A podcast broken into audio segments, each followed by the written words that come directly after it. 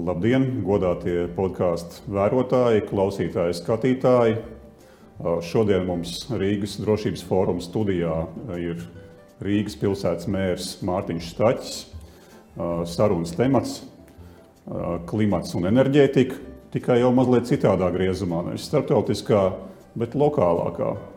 Pietiekami svarīgā no reģionālā viedokļa, jo Rīga ir pietiekami liela pilsēta arī Baltijas jūras reģiona mērogā Tā varbūt nav lielākā pilsēta, bet tā tomēr spēj ietekmēt daudzas lietas, kas saistītas ar enerģijas patēriņu, ar klimatu, ar to, kādā veidā nākotnē mēs skatīsimies uz iedzīvotāju mobilitāti, iespējām dzīvot veselīgi, tīrā pilsētā, pilsētā, kur mazāk piesārņo, pilsētā, kurā ir siltākas mājas, tad, kad vajag, vēsāks arī tad, kad vajag, nevis otrādi.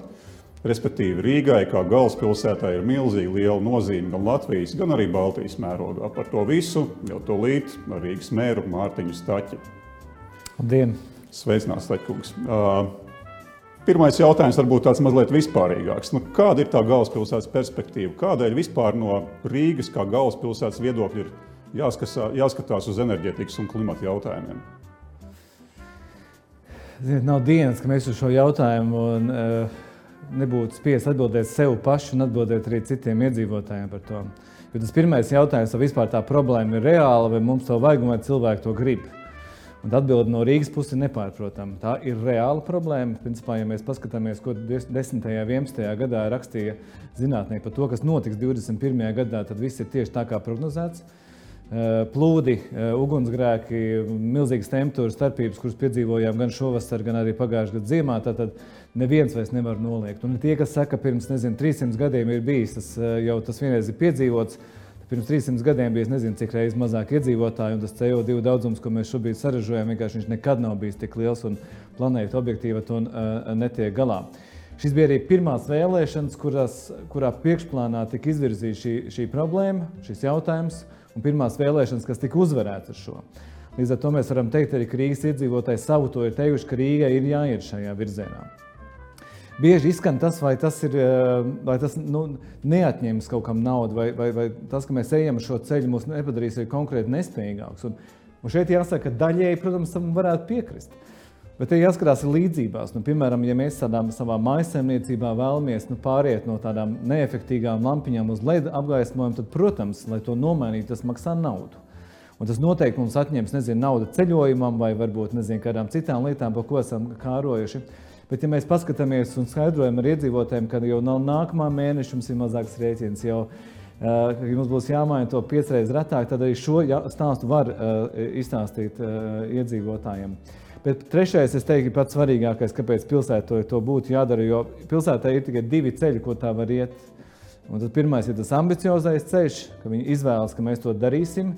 Šīs ambīcijas arī uh, apstiprina starptautiski, parakstot dažādas arī uh, liksim, aktus un tā tālāk. Un arī nākotnē vairāk pretendējot uz finansējumu, ko, uh, ko var iegūt šī mērķa sasniegšanai. Vai arī otrs ceļš, ir stagnācijas ceļš. Un, uh, un tā, uh, tā, tā problēma, ja mēs tā varētu teikt, ir laika trūkums. Ja, piemēram, Parīze, kas šobrīd tiek minēta kā viens no tādiem piemēriem, kur ir ļoti veiksmīgi tikus galā ar mobilitātes problēmu un tā tālāk. Parīze sāk to risināt 2008. un 2009. gadā, un šobrīd plūc uh, šī darba augļus. Uh, tad Rīgai tas viss ir jādara jau daudz ātrākā tempā, jo 2008. un 2009. gadā tika faktiski nedrīz netika nekas šajā jautājumā. Mums ir jābūt labākiem nekā frančiem, risinot Parīzes pārblīvētā transporta problēmas un arī citas ar vidas kvalitātes saistītās problēmas. Citādi es pieņemu, ka mēs zaudēsim kā Rīga konkurētspēju tieši tajā brīdī, kad ja mēs šodien neko nedarīsim.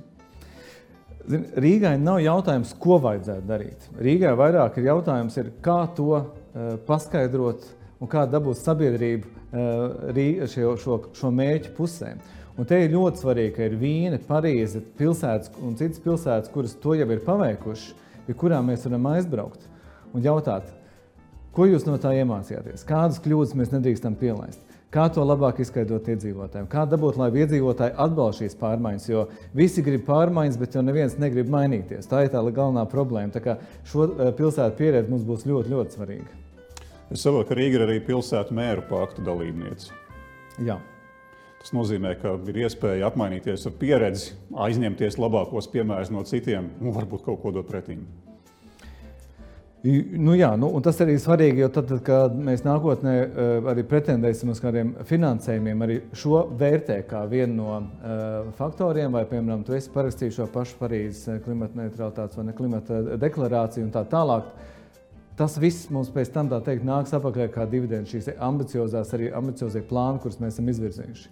Nu, Rīgai, protams, kā galvaspilsētā ir tā neapskaužamā situācija, kad faktiski viss tas, kas attiecas uz valsts līmeni, uz nacionālo līmeni, faktiski ir projicējams gandrīz viens pret viens arī uz galvaspilsētu, uz Rīgu. Ēku energoefektivitāte, transports vai tīrāka mobilitāte, ilgspējīgāka mobilitāte, enerģijas patēriņš, tad, tad siltuma apgāde ziemā, dzēsēšana vasarā, energo neefektīvas ēkas Rīgā vēl ir ārkārtīgi daudz.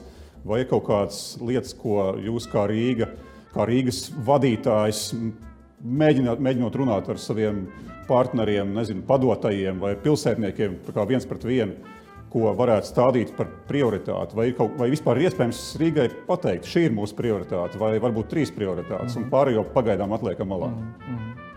Jā, nu, Rīga ir 60% valsts ekonomikas, lai gan mums oficiāli dzīvo trešdaļa iedzīvotāji. Mēs labi zinām, ka ikdienā šeit bieži vien pat ir pusi valsts iedzīvotājs. Un, uh, tieši tā, Rīga, Rīga ir teiktu, šeit spēlē galveno lomu visos šajos plānos. Uh, Bet ko, ko būtu jādara pilsētēm, ko mēs arī darām? Tad pirmais vispār šo jautājumu jāuzliek dienas kārtībā kā svarīgu jautājumu. Un eh, tas, kā politikā to var darīt, ir, protams, dibinot īpašu komisiju, kur nāk pie deputātiem, kuriem sirds par to deg un kuriem tas šķiet svarīgi, darbinieki, kuri ziņo par izdarīto, kuriem tiek nolikti mērķi un plāni, lai tas virzītos uz priekšu.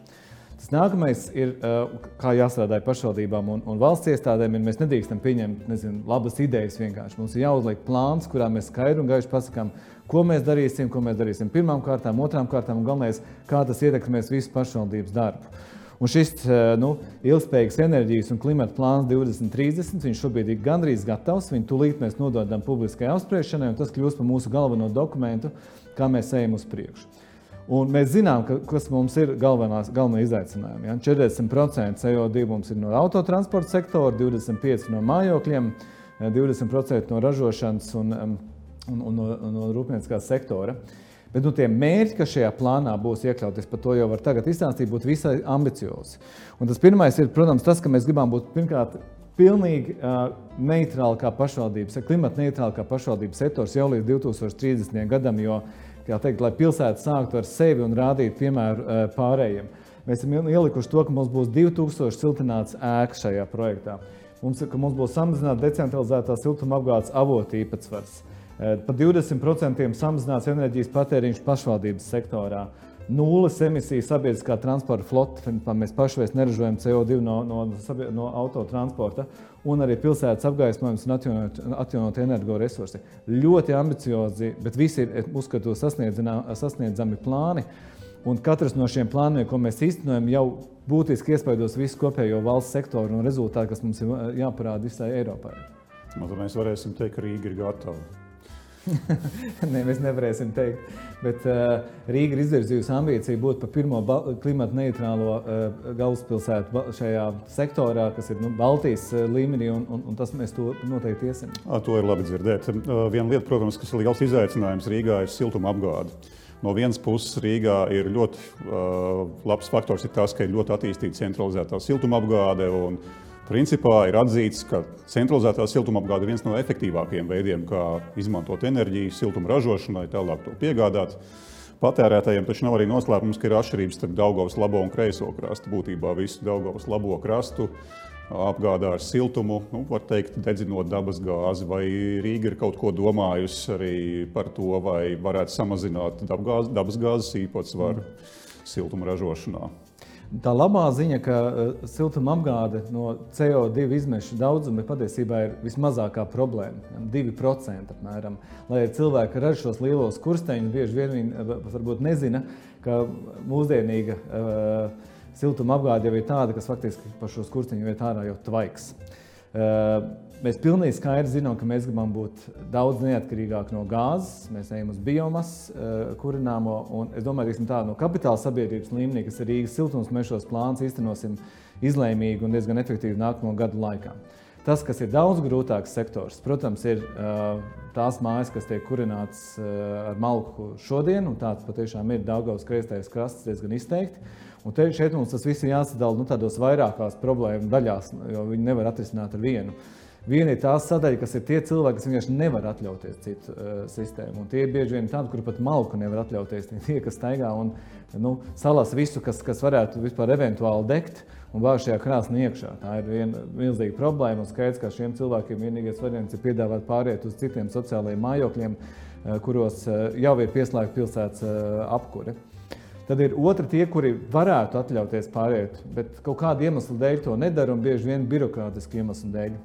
Un šeit tādēļ ir mūsu restartētā Rīgas enerģētikas aģentūra, kurai būs jāveic ļoti svarīga funkcija konsultēt iedzīvotājs par to, ka piemēram, pāriet uz, uz to pašu siltumu sūkņu sistēmu vai, vai piemēram, ieviest uh, saules kolektors. Patiesībā mūsdienās jau nav ne tikai dārgi, bet uh, uh, finansējums ir pieejams tāds, ka to var sadalīt tā, ka jūs pat nejutīsiet iespējami pārēju šo, ne, jo tas tiks sadalīts eh, mēnešu maksājumos. Līdz ar to šīs skaidrošanas eh, funkcija ir eh, Rīgas enerģētikas aģentūras viens no lielākajiem, svarīgākajiem uzdevumiem. Nu, protams, saistošie noteikumi kā tādi, kas jau tagad paredz to, ka principā, nu, tā situācija, kas bija 90. gados, ka katrs var izvēlēties savu pārēju, savu uh, sistēmu apkurinājumu, un nu, tāda vairs neeksistē. Un šobrīd, principā, ir tikai viens ceļš, vai nu mēs ejam uz šo efektīvu energoapgādes sistēmu, kur tu pats izvēlēsies tādu, kas ir dabai draudzīga, vai arī slēdziens klāšai pilsētas centrālajai apkurei, kas uh, šobrīd jau var piedāvāt nu, diezgan efektīvu un labu pārvadīšanas veidu.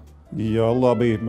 Es biju nodomājis mazliet paspīdzināt jūs un lūgt pretnostatīt, vai lūgt salīdzināt, vai izdarīt izvēli par labu vienu no divām ļoti svarīgām prioritātēm, vai kurināmā mainai, respektīvi enerģijas patēriņa struktūras samazināšanai, kaut kāda izmainīšanai par labu atjaunīgajiem resursiem un lielākiem ieguldījumiem energoefektivitātē mājokļos, vai arī transporta mobilitāti. Ja jums būtu jāizvēlās viens no diviem, ar ko jūs teiksim, sāktu?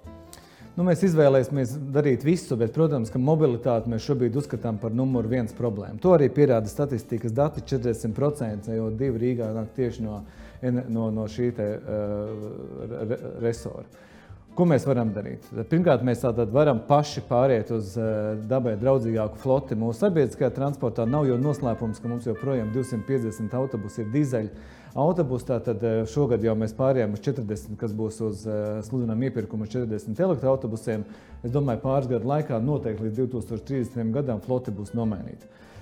Bet tur ir vēl daudzas lietas, un tas ir tik elementārs. Nu, piemēram, šodien nu, stāvot un baroties eh, par savu kabinetu logu uz, uz, uz Daugavas krastu, es saskaitu interesi pēc, ka minūtes laikā tur aizbrauc deviņas lielās smagās mašīnas. Es riskēju apgalvot, ka iespējams neviena no viņām nav saistīta ar ostu. Mums faktiski par Rīgu iet cauri smagās mašīnas tikai uz muitas punktu. Kas ir vienkārši elementāri risinām problēma, vai nu pārvietojot to kur citur, vai darot, ko darīja Igauni, pārējot vairāk uz elektroniskiem pakalpojumiem, vienkārši lai tās nebrauktu centrā iekšā. Beidzot, jau ar milzīgām izaicinošām problēmām, tas ir kā realizēt zemo emisiju zonu līdz 2027. gadam, kur es domāju, ka jau šobrīd ir svarīgi iedzīvotājiem pateikt, neatlieciet uz pēdējo brīdi pārēju uz dabai draudzīgāku uh, transportu. Nu, vienkārši pienāks tas brīdis, kad ar lieliem veciem dīzeļu motoriem vienkārši Rīgā iebraukos vai nu neiespējami, vai vismaz ļoti dārgi. Un par tām lietām, manuprāt, ir jāsāk runāt jau šodien, tāpēc arī zemo emisiju plāns, kur mēs uh, prezentēsim visticamāk šī gada uh, pavasarī, uz šīm, šīm jautājumiem jādod ļoti skaidrs atbildes. Sabied, kustība pilsētā būs lēnāka, mazāk iespējama un noteikti dārgāka nekā tā ir šobrīd, lai mēs samazinātu emisijas šeit, pilsētas centrā.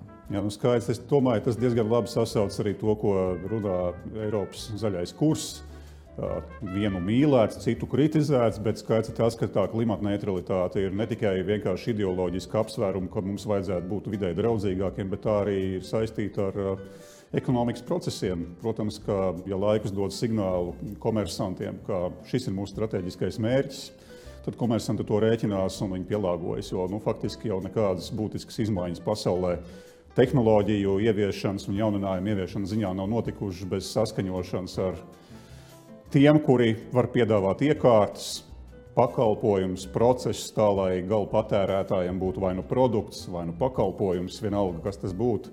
Un, Jā, bet ir atšķirība. Un tā atšķirība, kāpēc teiksim, mobilitāte lika numur viens problēma. Tāpēc, ka, ja, piemēram, mājas siltināšana ir kaut kas, ko var atrisināt ar lielu naudas masu, un kas būtībā cilvēku dzīves kvalitāti uzlabo un rēķinu samazina, tad mobilitāte ir kaut kas tāds, kas ļoti uh, maina cilvēku paradumus, un viņiem pašiem šie paradumi lielā mērā ir jāpieņem.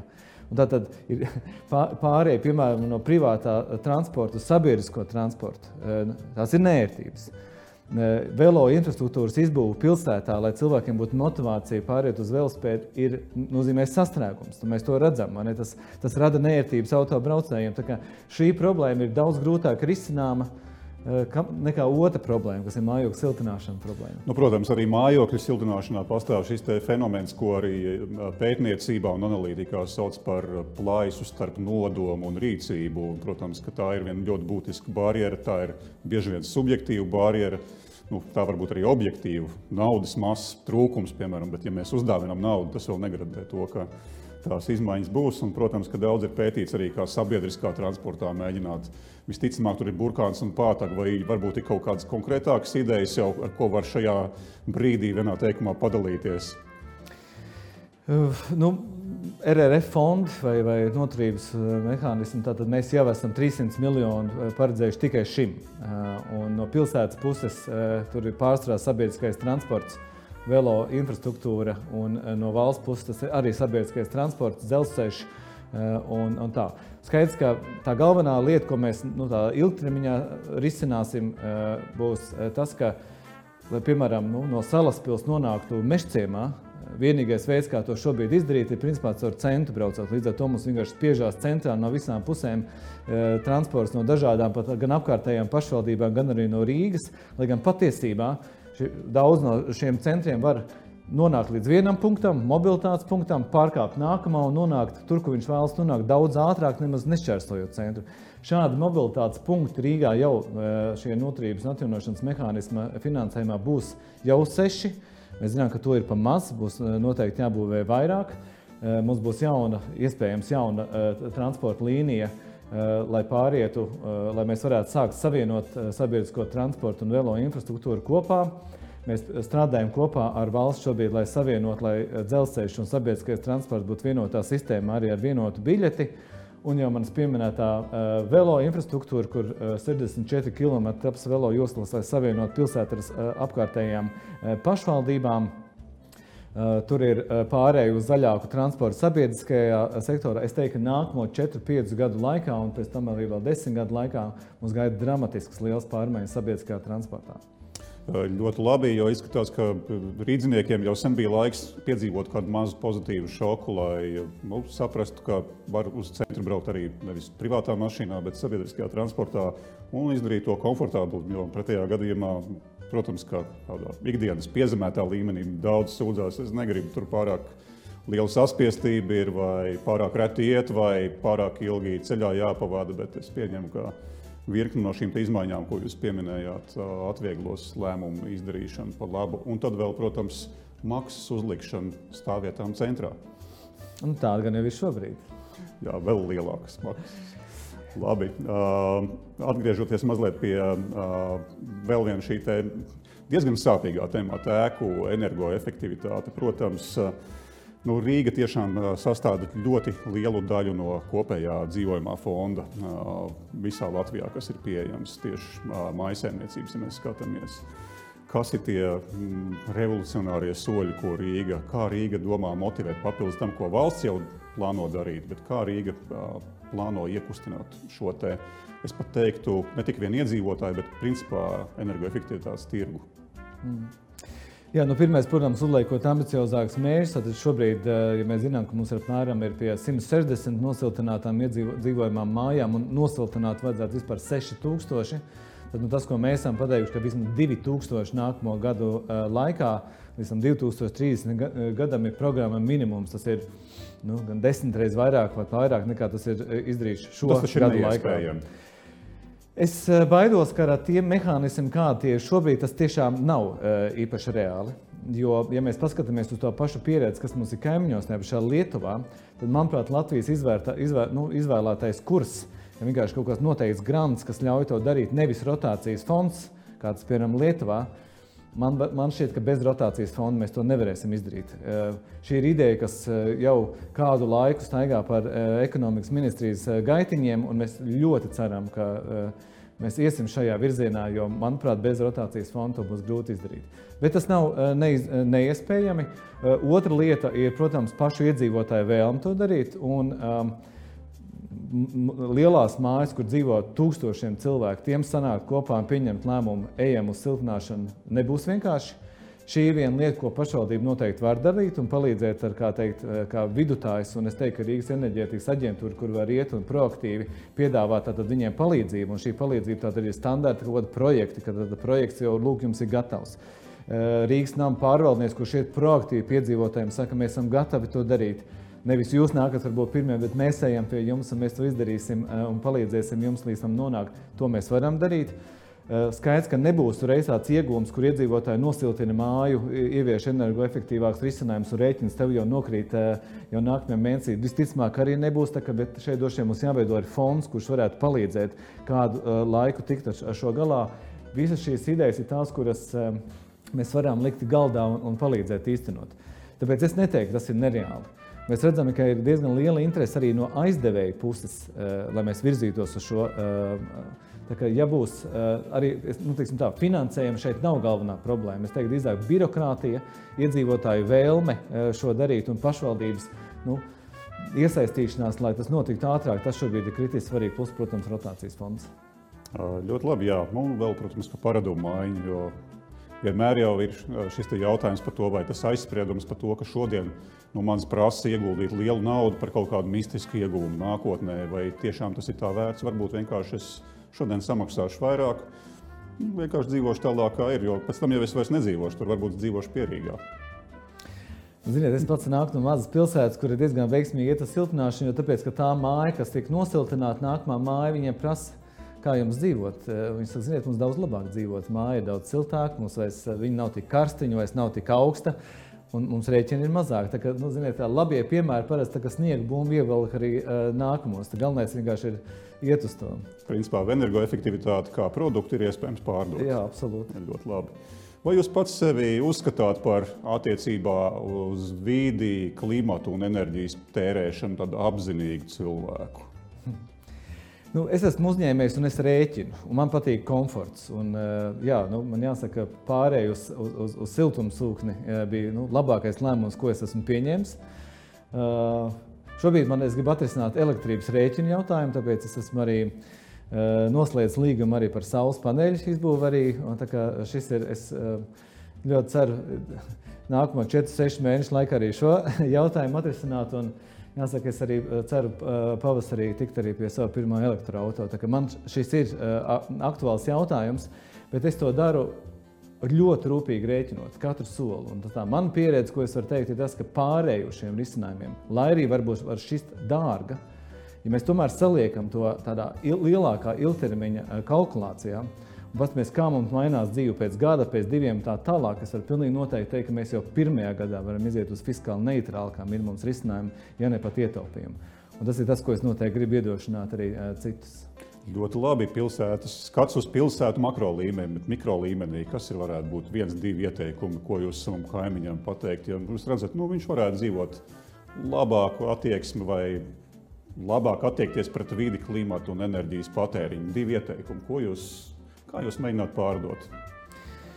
Es noteikti atturētos uh, viņam dot padomus, uh, šādā ziņā, ka uh, viņš teiks, ziniet, mūsu situācijas nav vienādas. Bet es domāju, pirmais, kas ir tiešām svarīgākais, ka pilsētē šeit ir jānāk ar, piemēru un jārāda, ka pilsēta var kaut vai, piemēram, izīrēt jumtus to, to pašu saules Eh, paneļu likšanai un tādā veidā parādīt, kā mēs varam samazināt mājas izmaksas un, un tā tālāk. Tāpēc es teiktu, tā, pil, lai pilsēta tiešām sāk ar sevi, tas, manuprāt, ir uzdevums numur viens, un tad mēs varam iet arī ar padomiem un arī prasīt no mūsu iedzīvotājiem sekot eh, eh, šim. Un otrs, es patiešām aicinātu vienkārši aiziet un aprunāties ar profesionāļiem, ar konsultantiem, tāpēc es šeit redzu lielu lomu tiešām informācijas nu, sagatavošanai un dalīšanai ar iedzīvotājiem. Lai, lai jūs redzētu, ka pārēja uz, uz vidē draudzīgākiem, uz klimatu neitrālākiem risinājumiem patiesībā vairs nemaz nav tik dārga. Un finansējumu šie uh, instrumenti, kas šobrīd jau ir pieejami, principā jums ļauj lēmumus pieņemt jau šodien, neatliekot tos uz rītdienu. Tie būtu teiksim, divi mani galvenie vaļi, uz ko es balstītu. Es domāju, šis ir labs uzsvars, ar ko šo sarunu pabeigt. Rīgas mērs Mārtiņš Staķis apgalvo, ka nav nekā neiespējama. Vajag nospraust mērķus, iet uz tiem mērķtiecīgi, darīt. Visu nevarēs izdarīt līdz rītdienai, bet mēs varam dzīvot labākā sazobē ar vidi, klimatu, tērēt mazāk enerģijas vai to izmantot efektīvāk. Paldies, Staķkungs! Paldies jums!